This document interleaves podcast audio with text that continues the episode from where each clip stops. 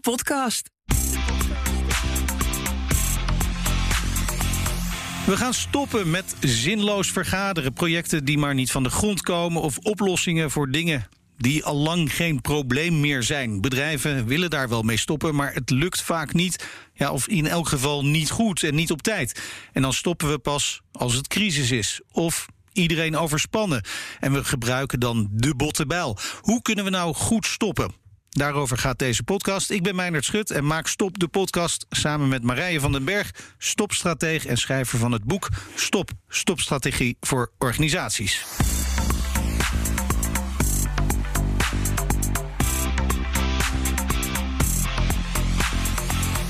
Marije, we zijn er weer. In, in welk thema gaan we deze aflevering duiken? We duiken in de botte bijl en hoe je die voorkomt. Never waste a good crisis, hoor je dan. Maar dat betekent niet dat je moet wachten tot het crisis is. Want dat gebeurt veel te veel. Bij de overheid wordt de crisis af en toe als instrument ingezet. En dan laat je het zo ver komen dat stoppen of draaien dan niet anders meer kan. En iedereen ook wel ziet van, nou, nu is het echt verstandig om te stoppen. En dan ben je zelfs een beetje stoer. Maar tot die tijd gaan we maar door. En waar dat ook gebeurt is bij ondernemers. Ook die gaan dan maar door tot het bittere eind. En dat is dan soms een faillissement. Stoppen is geen optie, zeggen ze dan. Terwijl die optie er vaak genoeg wel is. Failliet gaan hoeft niet het eindstation te zijn. En onze gast, eh, nou, die past wel heel erg goed bij dit onderwerp. Marije Hovenstad uh, geeft als manager leiding aan de adviseurs van de Kamer van Koophandel en het coronaloket. Ja, klopt allemaal. Welkom, leuk dat je er bent. Is, is stoppen inderdaad vaak het laatste waar ondernemers aan denken? Nou, het is natuurlijk, als jij met passie je bedrijf start, is het ontzettend lastig om te stoppen. Dus het voelt toch een beetje alsof je je droom opgeeft. Um, dat is heel lastig, ja. Nou, we hebben daar ook een prachtig fragment bij gevonden. Dat komt uit een toespraak van Winston Churchill. Hij uh, uh, roept daar het Britse volk, en in dit geval zijn toehoorders, een aantal Britse jongens op om strijdbaar te blijven. Surely in this period of 10 months, this is the lesson. Never give in. Never give in. Never, never, never. In nothing, great or small, large or petty, never give in except to convictions of honor and good sense. Ja, Marij, het is een klein stukje hè, van een veel langere toespraak. Een beroemde toespraak ook van Winston Churchill. Maar wat maakt dit gedeelte nou zo bijzonder? Wat zo bijzonder is, is dat we vaak alleen het eerste stuk uh, in alle memes en citaten. Never give in, never give in. En waar ik graag de nadruk op wil leggen, is op accept to convictions of honor and good sense. Ja, good sense, dat is belangrijk. Hè? Gezond verstand, want om uh, goed te kunnen stoppen moet je natuurlijk ook weten waar je mee bezig bent. En dat vindt ook onze sponsor, JB Lorenz. Ja, dat klopt. Zij vinden het ook verstandig om te stoppen voordat het water je aan de lippen staat. En de experts van JB Lorens helpen publieke en private partijen om goed in beeld te brengen wat je te doen staat om slimme besluiten te nemen als je werkt aan complexe maatschappelijke vraagstukken, zodat je kunt stoppen voordat het crisis is.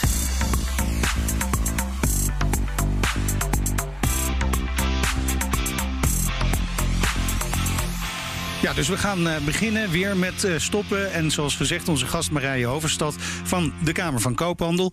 In augustus lag het aantal faillissementen op het laagste niveau in 21 jaar.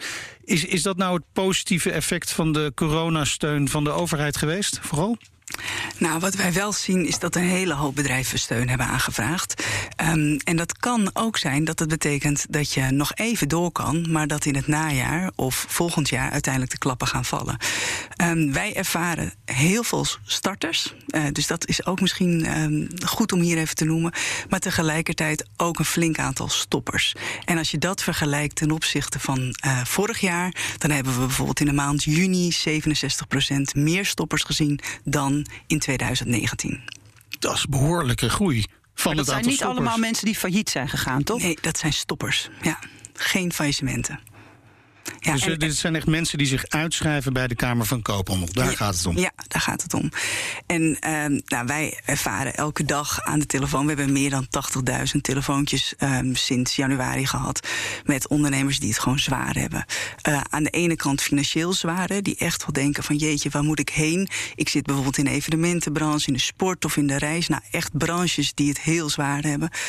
Um, en wat moet je nou de komende periode gaan doen? Nou, daarover hebben wij het met veel ondernemers. Ja, jullie merken dus ook nu echt bij het KVK wel dat het inmiddels al minder goed gaat. Hè? Ondanks dat cijfer wat ik net noemde over het aantal faillissementen. Want het aantal faillissementen dat valt dus nog altijd wel mee. Dat valt relatief nog mee. Ja, en dat komt door de coronasteun van de overheid waarschijnlijk voor een groot deel. Uh, jullie waarschuwen wel vooral voor het feit dat uh, bedrijven zich op dit moment diep in de schulden werken. Hè? Zien jullie inderdaad die schulden al oplopen? Ja, je hebt natuurlijk een flink aantal bedrijven die gewoon hele hoge vaste lasten hebben. Denk aan je personeel, denk aan je leveranciers, denk aan je pand. En dat moet je er allemaal wel uithalen, juist in deze tijd. En groeien je klanten dan wel mee? Uh, of blijven je klanten juist weg? En uh, dan is het wel heel belangrijk om juist nu realistisch te kijken naar en je kosten en je inkomsten. En, uh, en een afweging te maken. Want um, je kan heel lang zo door blijven gaan, maar je kan ook zeggen: ik maak een aantal scenario's. En een van die scenario's is ook tijdig stoppen.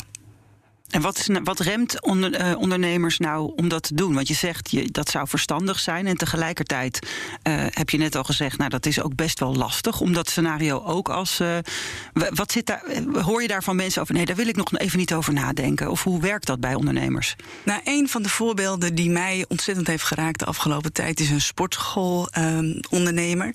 Um, um, en die um, moest echt stoppen met zijn sportschool toen de eerste coronamaatregelen kwamen. En die was hartstikke creatief. Hè? Dus die bedacht echt digitale lessen voor al zijn mensen. Nou, noem maar, maar op. Dus die had echt de spirit om door te gaan en hieruit te komen. Dat klinkt echt als een ondernemer. Een echt ondernemer. Ja. was ook een familiebedrijf. Dus weet je, hij voelde ook echt de drijf om door te zetten wat zijn ouders in gang hadden gezet. Um, maar tegelijkertijd hoorde die ook, ja, in september, die sportscholen blijven tot september dicht. Nou, en op dat moment kreeg je 40 afmeldingen per dag. Hè? Dus je moet er maar nastaan dat je echt denkt: jeetje, ik heb de hoop en de zin om door te zetten. Maar tegelijkertijd ontvang je 40 afmeldingen per dag.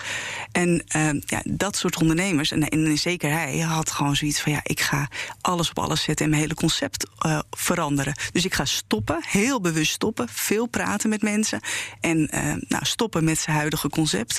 En dan zie je ook dat er ruimte ontstaat voor nieuwe dingen. Dus hij is tegelijkertijd weer gestart met een soort corona-proof sportschool. Um, en heeft zo'n persoonlijk faillissement voorkomen. Wow. Dus ja, dat zijn ook dingen die, uh, die, die ons natuurlijk ook elke dag raken. Ja. Ja, en wat maakt nou dat zo'n ondernemer dat uh, uh, kan, je, kan je daar, zie je dat gebeuren dat dat bepaalde type mensen zijn die dat wel doen, die dat onderkennen? Uh, en mensen, of, of ligt het echt aan de omstandigheden dat mensen niet stoppen en maar doorgaan tot het faillissement? Nou, ik denk dat het heel vaak een combinatie van dingen zijn. Ik denk dat het blijven praten over hoe je er nu in zit. Hè, met misschien met je boekhouder, met je accountant, met je compagnon, met je familie, met je vrienden. Um, dat dat ontzettend helpt om realistisch te blijven. En dat realisme is wel nodig. Dus je kan en je dromen nastreven en willen dat je bedrijf succesvol blijft of wordt. Ja. Um, maar realistisch zijn is uh, misschien juist nu uh, wel net zo belangrijk. Is, is dat wel een kwaliteit die veel ondernemers hebben? Hè? Kijken ze wel kritisch genoeg naar hun eigen onderneming? Ja, kijk, ik denk, um, ik denk dat je dat op het moment dat je in gesprek gaat, um, en zeker met een boekhouder bijvoorbeeld, hè, ja. of een accountant, die dwingt je en die, zijn, ja. ja. en die helpt je natuurlijk wel om realistisch te zijn.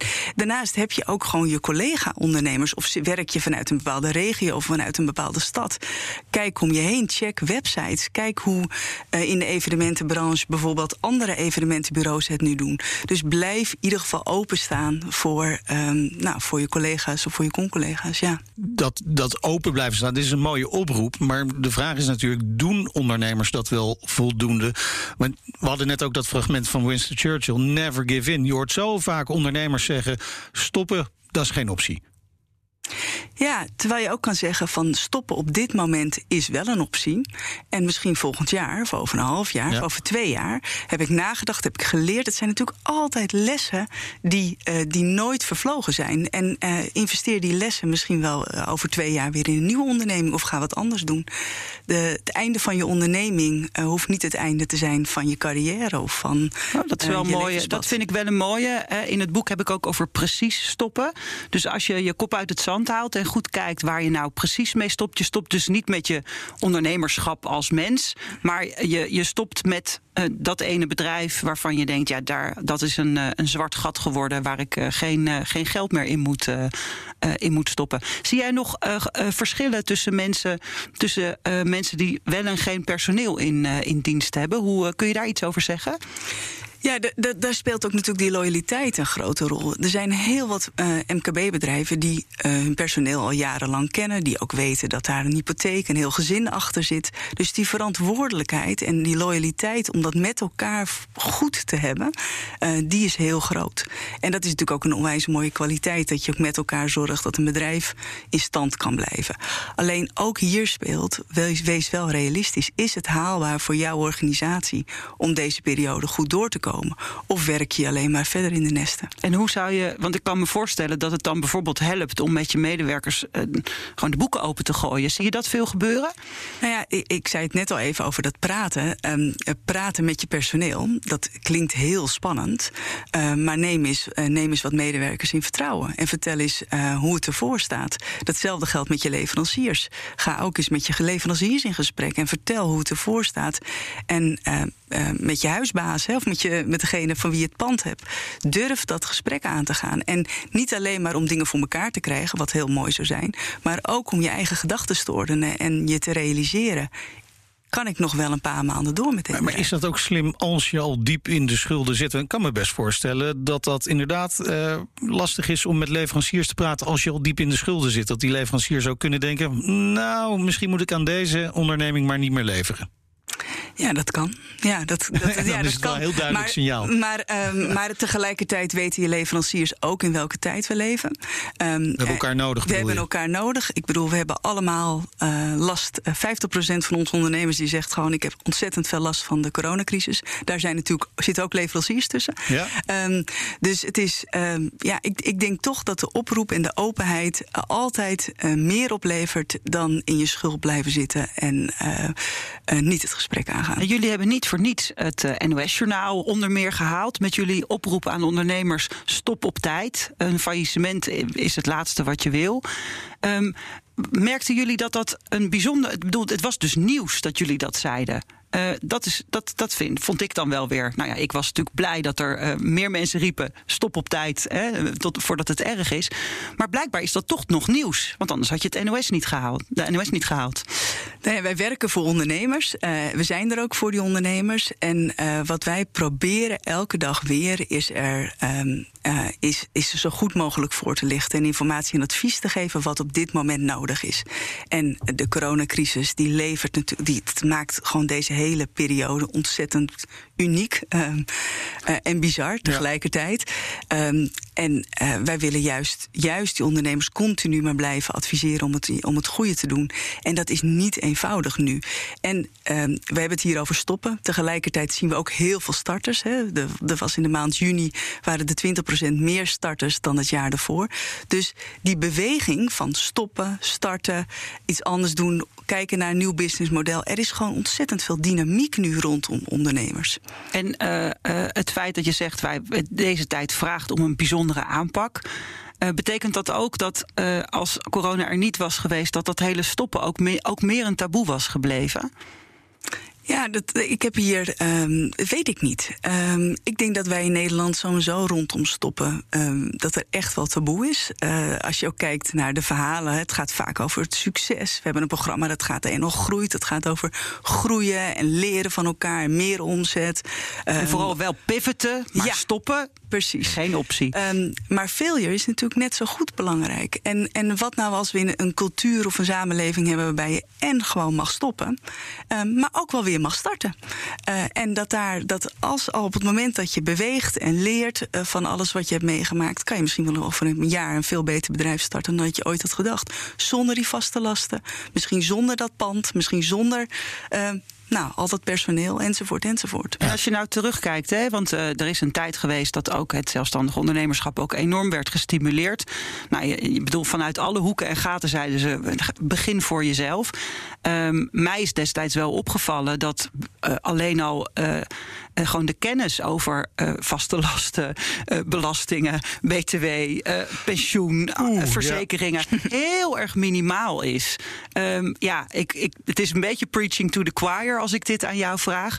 Maar ik heb toch wel heel veel mensen gezien die een hele dure hobby hadden in plaats van een bedrijf. Ja, on, onderschat het niet. En ik denk dat dat ook wel iets is waarom mensen ook, ons ook bellen. En echt zeggen: Jeetje, ik wil starten met mijn bedrijf of ik wil stoppen met mijn bedrijf.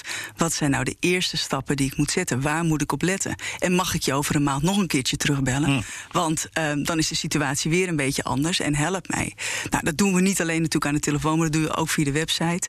Ehm, en voor ons onwijs belangrijk om continu maar ja, te blijven ondersteunen met dit soort vraagstukken. Het is niet makkelijk, nee. Nee, maar ik kan me voorstellen dat jullie ook meer vragen krijgen. In ieder geval normaal gesproken in deze periode zal dat misschien anders zijn. Maar vragen van mensen die willen beginnen. Ik, ik kan me ook zo voorstellen dat het, KVK, de Kamer van Koophandel, zo ook wordt gezien. Hè? Dat is de plaats waar je je bedrijf begint. Ik weet nog dat ik een foto maakte hè, van, de, van de gever van de KVK. Nou, zo, we zijn begonnen. Ingeschreven, we kunnen aan de slag. Dat, dat gevoel heeft toch de KVK een beetje. Hebben jullie ook een omslag moeten maken daarin? Ja, we, we, we, hebben altijd heel veel starters uh, ontvangen. Ja, en, ja. en, het gesprek met heel veel starters uh, zijn we aangegaan. En je ziet eigenlijk in de coronatijd dat het ook gaat over die moeilijke periode. Ja. Uh, maar tegelijkertijd zie je het ook over. Ik ben aan het herstellen vanuit die coronacrisis. En rondom die starters en rondom dat, um, nou, het herstellen vanuit, vanuit de crisis.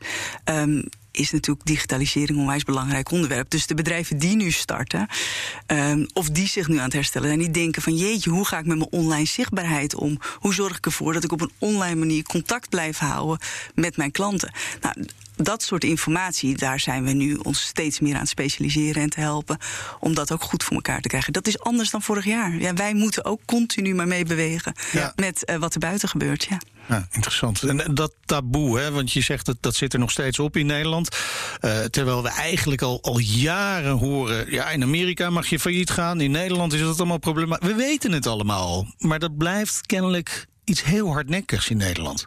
Ja, ik ben ook wel benieuwd hoe Marije daarnaar kijkt. Want um, uh, het blijft hardnekkig en het is nog steeds niet een makkelijk onderwerp om over te praten. Wij ervaren ook bijvoorbeeld aan de telefoon dat de vrouw van de ondernemer belt. Oh ja, echt of waar? dat de ondernemer wel zelf belt, maar het heeft over een vriend. Ja, ik bel um, namens een vriend. Ah, asking ja. for a friend. Ja. Dat is dus echt... Uh, ja, oh, nou dat geeft wel weer hoe moeilijk het is nou, om hierover te ja. praten. Ja, nou ja, er zijn natuurlijk allerlei redenen waarom... Het is, hè, ik zeg dan heel makkelijk, het is absoluut niet sexy om te stoppen. Ik denk wel uh, uh, dat op het moment dat je het doet en overtuigd doet, dat het ook heel inspirerend kan zijn. Dus ik, ik, uh, ik, ik geloof er wel in dat er mensen die goed stoppen. ik vond bijvoorbeeld een heel inspirerend verhaal. De man van Merchandise NL. die is, was, is, is en was heel zicht, zichtbaar online. Nou, die had te maken met allerlei effecten in zijn, in zijn persoonlijk en uh, ondernemersleven. En die zei: Ik stop ermee voordat ik failliet ging. Ik vond het heel erg sterk en stevig. Dus dat faillissement, daarvan, daarvan denk ik, nou, ik vind het misschien helemaal nog persoonlijk nog niet zo erg als daar een beetje een taboe op blijft. Want ik denk namelijk dat een faillissement voor heel veel mensen heel kwalijk is.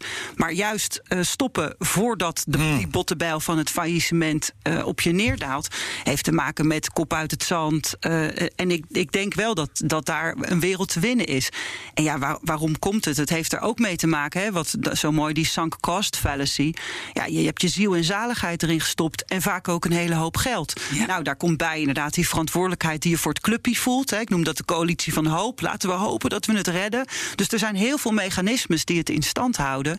Uh, dus ja, dat vraagt inderdaad uh, uh, de vrouw van de ondernemer die als een kanarie in de kolenmijn zegt: dit is niet meer goed. En je gaat elke avond sla je drie whiskies achterover en lig je te malen in je bed. Er moet hier iets veranderen. Ja, en ik denk ook dat mensen om ondernemers heen uh, kunnen helpen om uh, die kop uit het zand te krijgen. En dat is ook gewoon plat slaan van, van je Excel-sheetje.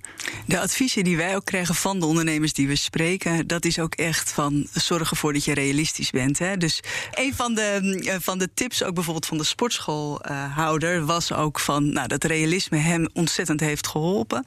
Um, en hij zei ook van de veerkracht die ik natuurlijk gewoon al die jaren heb gehad om dat familiebedrijf tot een succes te maken, dat is niet weg. Dus dat de situatie nu met corona helemaal anders is en dat niemand in mijn sportschool kon komen. Maar ik ben nog steeds een veerkrachtige, ondernemend persoon. En juist met die kracht is hij weer een nieuw concept gaan beginnen. Ja, dat is wel inderdaad dat zijn, wel heel cool. Dat zijn hele wijze lessen. Ja, ja en, en wat ik wel interessant vind is, uh, je hebt het over wees realistisch. Um, nou, uh, ik weet bijvoorbeeld dat uh, woningcorporaties heel alert zijn op huren die niet worden betaald. Uh, ik had voor het eerst van mijn ondernemend leven dat ik BTW terugkreeg. Dat Ja. was een erg confronterend moment, kan ik je vertellen. Uh, zijn er ook van dat soort mechanismes waarbij je dus ziet, hey, ondernemers die altijd goed gedraaid hebben en altijd vet veel BTW mochten afdragen uh, aan de gemeenschap, die ineens BTW terugkrijgen, die moeten we gaan bellen. Uh, zijn er dat soort alerts uh, in ja, breed ondernemersland? Nou, wij merken dat de ondernemers die het nu zwaar hebben, hebben echt wel een gebrek aan financiële buffers. Dus die hebben, het, ja, die hebben gewoon onvoldoende vet op hun botten. Um, en die hebben hoge vaste lasten. En we zien natuurlijk dat die specifieke beroepsgroepen als de reis en de sportbranche en de DJ's en noem maar, maar op, dat die waarin in één klap er gewoon geen klanten meer waren, ja, dat, dat is niet op te vangen. Dat is echt nee. niet op te vangen. Nee, dus, die, uh, en, en dus jullie kijken nu vooral branche gerelateerd. Ja, branchegerelateerd, ja. En, en, uh, en als je dan, uh, bedoel, deze mensen hebben allemaal geen goede exit-strategie en geen vet op de botten. Wat, uh, wat, wat adviseren jullie ze nou als eerste? Gewoon heel praktisch. Nou, wij zeggen eigenlijk altijd wel zorg, dat is eigenlijk een beetje de, de meest saaie, maar wel heel belangrijk is zorg dat je administratie op orde is. Ja. Uh, weet gewoon heel goed uh, hoe je er financieel voor staat. En zorg ervoor dat je administratie op En hoeveel is. ondernemers reageren dan met. Mm, maar dat weet mijn boekhouder, maar ik niet? Nou ja, dan rea Ja, zo reageren ondernemers. Ja. Echt waar? Ja, en dan- dan is dat toch wel echt de basis om eerst eens gewoon goed te kijken van hoe sta ik ervoor. En op het moment dat je ook nadenkt over scenario's, dan, is het, dan moet je wel weten hoe je administratie, eh, hoe je ervoor staat. Ja. Dus eh, administratie sta, is een, echt een hele belangrijke. Daarna natuurlijk goed nadenken van wie je nog allemaal te goede krijgt. He, zorg ervoor dat Ja. eh, wie krijgt nog allemaal geld van je. En uiteindelijk heb je natuurlijk ook te maken met een stukje afwi- afwikkeling. Nou, denk aan de Belastingdienst onder andere. Dus dat zijn eigenlijk hele praktische dingen waar wij ook bij helpen. En ze klinken logisch en praktisch, maar het betekent niet dat iedereen dat altijd tussen oren heeft. Nee. En dan had ik nog een heel specifiek vraagje. En misschien is dat wel helemaal niet, eh, niet handig. eh, eh, maar er zijn heel veel ondernemers en die hebben aftrekposten gehad voor hun oude dag. De fiscale oude dagreserve. Maar daar niet voor opzij gezet. Of in ieder geval te weinig. Als je stopt met je bedrijf, dan moet je aftikken. Dat gaat soms echt om tienduizenden euro's. Is, is daar, wordt daar rekening mee gehouden door de Belastingdienst? Dat in deze tijd stoppen misschien toch wel handiger is, maar dat dan die voor wel, dat je daar nog iets mee kunt? Nou, ik, ik werk niet voor de Belastingdienst. Dus hoe de Belastingdienst daar precies op reageert, kan ik je niet vertellen. Wij nemen het wel mee in de gesprekken. Eh, wij vragen ook bijvoorbeeld naar de leeftijd. Wij vragen naar de toekomst. Hè. Dus elk bedrijf is uniek en elk ondernemersverhaal is uniek. Dus voor ons is dat onwijs belangrijk om eerst nou, goed te onderzoeken van met wie, hebben we nou aan, met wie zitten we nou aan de telefoon. En als het iemand is die tegen de gepensioneerde de leeftijd zit, Ja. Ehm, ja, dan nemen wij dit soort dingen wel mee om echt ehm, nou, hier goed naar te kijken. Ja. Maar het gaat vooral ook om mensen die al die tijd die aftrekpost hebben ge- genomen. En gewoon niet opzij hebben gezet. En gewoon moeten gaan betalen. Uitgestelde precies. belastingsschulden. En dat moet je natuurlijk weten als je Ja. dit soort afwegingen maakt. Ja. Ja. Ja, maar dat geeft toch ook wel weer aan dat deze ondernemers eh, gewoon geen exit-strategie hebben. Ze denken er niet aan over het, het stoppen van hun bedrijf. Ik, ja, ik hoor toch ook soms wel ondernemers zeggen, en vooral zelfstandigen en adviseurs die weinig vaste lasten hebben. Ja, maar ik ga ook helemaal niet stoppen op mijn 67. Ik ga gewoon door Ja. in het harnas. Weet je, echt, nou ja, dus ik hoef ook niet te sparen voor mijn pensioen, bijvoorbeeld. Ja. ja, die passie en die gedrevenheid, dat is natuurlijk ook. eh, dat is natuurlijk ook het mooie van het ondernemerschap. Ja. Maar tegelijkertijd hè, zorg er ook voor dat die andere kant, dat je daar ook, eh, nou, nog wel weer een oproep voor het realisme, Ja. zorg ervoor dat je ook wel realistisch bent. En ehm, eh, dit blijft natuurlijk altijd balanceren. En deze tijd vraagt misschien iets meer realisme af en toe dan die gedrevenheid. Ja, ja. Is het een vraag die jullie aan startende ondernemers stellen? Van, en wat is je exit-strategie? Nou, de vraag die wij wel stellen eh, is wel ehm, eh, in sommige sectoren waar nu de starters beginnen. eh, En dat zijn, dat zijn natuurlijk nu niet veel sportschoolhouders. Of, Nee, waar, zie- waar zien jullie die groei van starters dan wel? nou, we zien echt in die online wereld. eh, daar, eh, ja, weet je, een detailhandel, eh 20 procent. en dan online detailhandel, hè, dus de webshops, de e-commerce. Daar zien we een stijging. En ik denk dat het ook goed is, ook met andere starters, dat je je realiseert wat je ook ook begint, of je nou een coach wordt of iets anders, dat je echt die online zichtbaarheid en uh, nou, die online componenten van je bedrijf altijd meeneemt. Ja. Want dat is niet meer weg te denken. En dat wisten we al een hele tijd dat dat er heel belangrijk was uh, voor ondernemers. Maar nu bewijst deze periode nog maar meer dat, uh, dat je daar rekening mee moet houden als starter. Maar die exit-strategie, ik hoor hem ook niet Nee. terug. Nee, ik hoor wat, Nee. maar, maar, Marij, wat zou jij dan adviseren? Want eh, je kunt je voorstellen dat je stoppen als gewoon vast onderdeel, gespreksonderdeel van je bedrijfsvoering. Nou ja, Invoert. kijk, dan ben, ik, dan ben ik vooral hardop aan het denken. Want, eh, de, de- maar dan zou ik inderdaad zeggen: kijk, kijk voor jezelf. Eh, wanneer, wanneer is het af? Nou, als het nooit af is, kun je voor jezelf bedenken: wanneer stop ik met werken? Wat heb ik daarvoor nodig? En gewoon ook heel praktisch. Wat wil ik nou per jaar omzetten om er een goed gevoel over te hebben? En als je daaronder zakt, of winst maken, nog belangrijker. eh, als je daaronder gaat, wat ga ik dan doen? Want je ziet nu ook heel veel mensen die gaan dan op drie paarden wedden. En die gaan een beetje erbij werken. En die gaan een, een ander dienstje totale versnippering van, eh, eh, van hun energie en van hun eh, denkkracht en creativiteit. En ook dan helpt het. Ik zat met collega-ondernemers die allemaal coronaplannen hadden. En ik zei: Nou, zullen we even achterkant bierveeltje opschrijven? Wat moet dat dan gaan kosten wat jullie willen verkopen? En wie moet er allemaal geld aan verdienen? Ja, dan heb je echt in vijf. Nou, niet eens vijf minuten, Nee. in vijf seconden heb je door, dit is niet zo verstandig. Ja, maar, maar zou je dan eigenlijk gewoon elk jaar even een, een stopgesprek moeten hebben? Desnoods met je eigen spiegelbeeld? Zou wel heel mooi zijn. En misschien, eh, kijk, ik, ik ben zelf een enorme fan van Femke Hogema. Zij heeft altijd het boek Handboek voor of, eh, Financiën voor ZZP'ers geschreven. Maar heeft nu ook het boek eh, Winstgevende Plannen gemaakt. Zij is van de ultieme kop uit het zand. Ik citeer haar ook in mijn boek. Waarbij ze zegt: maak een plan. En zij zegt: als iets op papier niet winstgevend is, het dat in de werkelijkheid al helemaal Nee. niet. Dus eh, dat, en dat zijn dus dingen waar, waarbij je kunt zeggen: Nou, mijn plan voor volgend jaar is om zoveel om te zetten en zoveel winst te draaien. Dat heb ik nodig. Als het plan niet uit kan en je denkt: ja, dan moet ik dus iedere week tien jurkjes maken.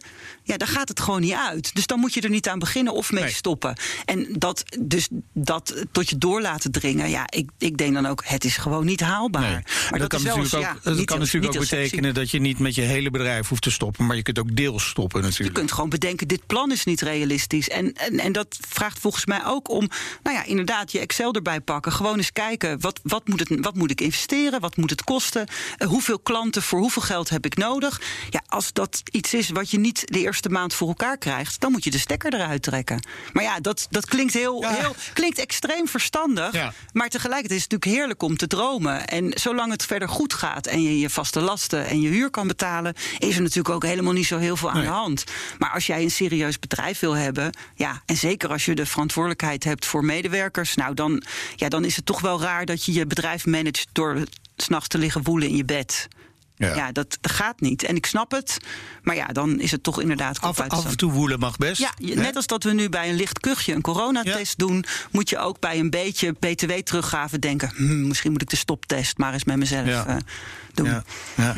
Eh, Ik, ik heb het bewust, zeg ik, over dat deels stoppen. hè, Want zien jullie dat bij bedrijven? Ik ga even naar de andere Marije, Overstad van KVK. eh, dat, dat bedrijven ook, ook delen stoppen. Hè? Want daarmee kun je uiteindelijk ook wel een faillissement voorkomen. Wij zien dat, ze, dat er delen worden gestopt. We zien ook bedrijven die hun bedrijfsconcept gewoon gaan veranderen, hun bedrijfsmodel aanpassen. Ehm, dus, dus die beweging en die flexibiliteit en die veerkracht, dat ervaren we natuurlijk ook. En eh, dat vraagt deze tijd ook. Daar gewoon weer even scherp naar kijken van hey, zijn mijn, zitten mijn klanten nog wel te wachten op mijn bedrijf? Is het nog wel de juiste tijd voor dit bedrijf? Of moet ik op zoek gaan naar andere klanten? Of moet ik wat doen aan mijn, aan mijn vaste lasten? Ehm, ja, dat, dat, die veerkrachtigheid en die creativiteit, die is nu ontzettend hard nodig. En eh, ja, wij, wij voeren ook bijvoorbeeld met mentoren gesprekken, ehm, die ook daarbij helpen om te zeggen van ja, jeetje, dit past eigenlijk niet meer en doe gewoon wat anders. Ja. Nou ja. Ja, het is volgens mij. Eh, het zou heel erg zijn eh, eh, als mensen dat niet tot zich laten doordringen. Want eh, daar wil je misschien ook nog wel even iets over vertellen. Gewoon het doemscenario faillissement. Ja. Want het is niet gewoon, nou dan neemt iemand anders, die, dan ben je van je schulden af en klaar. Zo werkt het niet. Nee, nee, daarom is de oproep voor sto- stoppen ook zo belangrijk. Eh, drie jaar schuldsanering is, eh, is niet niks. Eh, dus kan je, kan je een faillissement voorkomen en eh, kan je gewoon echt eh, nou, uiteindelijk onderaan de streep zeggen: hé, hey, ik neem dit verlies. Eh, maar ik stop eh, en ik creëer ruimte voor iets nieuws? Of ga je zo lang door dat er een faillissement aan komt, een persoonlijk faillissement aan Maar komt? realiseren ondernemers dit zich? Dat als ze failliet gaan, dat ze dan drie jaar in de schuldsanering zitten met leefgeld van een paar tientjes per week? Nee, wij, voeren, wij, wij hebben dit gesprek dus. Wij geven aan eh, hoe belangrijk het is om tijdig te stoppen. om dit te voorkomen. En, en misschien je droom nu op te geven. En, en misschien over een paar jaar weer iets anders te gaan doen of iets nieuws te gaan doen. Ja. Ja, dat vind ik wel interessant, hè? want dat faillissement dat is natuurlijk een hele rigide manier van stoppen. Dan krijg je met curatoren te maken, bijvoorbeeld. Hoe zitten die eigenlijk in de wedstrijd op dit moment? Nou, we hebben onlangs nog een gesprek gehad eh, in het FD eh, tussen een van onze adviseurs en iemand, eh, een curator, die, die het gesprek voerde daarover. Ja, die zitten daar natuurlijk ook gewoon. niemand wil dit, hè? Nee. Dus je wil het, als, als het gebeurt, wil je dat het zo goed mogelijk plaatsvindt. En zo goed mogelijk voor alles en iedereen. Dus voor de ondernemer, voor de leveranciers, voor het personeel. Ehm, maar het is natuurlijk dood in doodzonde als je niet bedenkt dat je misschien als je zes maanden eerder reëel had gekeken naar je, naar je bedrijf. Dat je misschien had kunnen stoppen en een hoop ellende had kunnen Ja, en, voorkomen. en dingen als je machines of bijvoorbeeld Precies. DJ's. Nou, ik, die hebben vaak enorme studio's met tienduizenden euro's aan apparaten. Als je failliet gaat, dan ben je dat gewoon allemaal kwijt. Terwijl als je stopt, dan kan je dat misschien nog wel goed verkopen. Ja, en dan is stoppen de ene optie. Maar je zou ook kunnen zeggen, als je bijvoorbeeld een pand hebt... van nou, ik was altijd, ik ga altijd naar een goed lopend café of restaurant... maar ik ga gewoon eens even kijken of ik iets anders kan doen met die ruimte. Dus stoppen is dan weer een stap. Maar je kan natuurlijk ook gewoon nu denken van... hé, hey, er is nu een tweede golf, er is van alles en nog wat aan de hand. Hoe kan ik nou tot het einde van het jaar... met mijn pand, met mijn personeel, met mijn vrachtwagens... iets anders gaan doen, eh, waarbij ik toch een beetje geld maak... eh, en iets goeds doe, misschien in, eh, in wat er nu nodig is. Ja. Ehm, en nou ja, eventueel stoppen is nog een optie. Maar dat je in ieder geval kijkt van, Precies. kunnen we een half jaar overbruggen? En hoe ziet dat er dan uit? Ja, ja, en daarvoor moet je wel het gesprek aangaan. En misschien heeft je personeel, je personeelsleden wel gewoon een ontzettend goed idee. Ehm, dus durf je ook nu te zeggen van jeetje, we gaan het hiermee niet redden. Maar wat zouden we wel kunnen doen met onze vrachtwagens? Wat zouden jullie wel kunnen doen als bezorgers? Ja. En wat nemen jullie hier nou uit mee voor als corona strakjes hopelijk over één, twee jaar echt weg is? Eh, wat, wat denk je dat hier van overblijft eh, van, van, van deze crisis en hoe we hiermee omgaan?